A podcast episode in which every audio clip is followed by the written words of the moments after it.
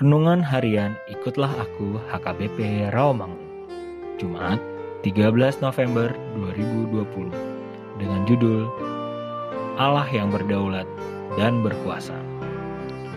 Bacaan kita pagi ini tertulis dalam Yehezkiel 7 ayat 1 sampai 9.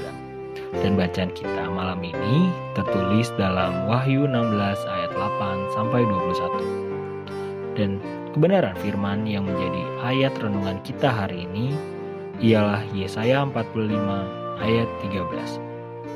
Akulah yang akan menggerakkan Koresh untuk maksud penyelamatan. Dan aku akan meratakan segala jalannya.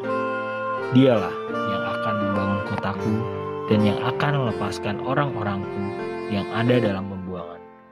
Tanpa bayaran dan tanpa suap. Firman Tuhan semesta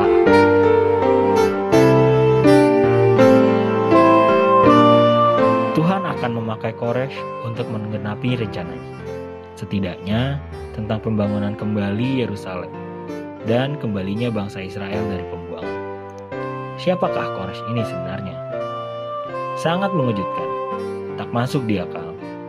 Koresh, raja dari bangsa penyembah berhala yang tidak mengenal Allah Israel, dipakai Tuhan untuk membebaskan dan menyelamatkan umatnya. Tuhan sendiri memanggil, mengurapi, dan memimpin Koresh untuk menaklukkan raja-raja dunia.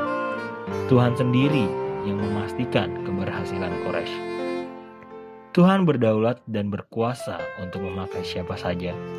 Sepasti kekuasaannya atas terang dan gelap, atas kemujuran dan malapetaka, dan atas seluruh alam semesta ini. Sedemikian pula kekuasaannya atas Koresh. Allah melalui Yesaya memberitahu umat Israel dan bangsa-bangsa bahwa Koresh adalah alat di tangannya yang dipakai untuk kebesaran dan kemuliaannya. Seringkali kita membatasi kehendak Tuhan sebatas logika, rencana, dan tindakan kita. Apa yang bagi kita tidak masuk akal, Allah sanggup melakukannya. Jika kita lihat apa yang Tuhan nyatakan di masa COVID-19 ini, maka kita akan belajar bahwa Tuhan bisa menggunakan siapa saja, walaupun itu orang yang tidak beriman, bahkan mungkin musuh kita untuk menjadi alat di tangannya. Percayalah, Allah berdaulat dan berkuasa.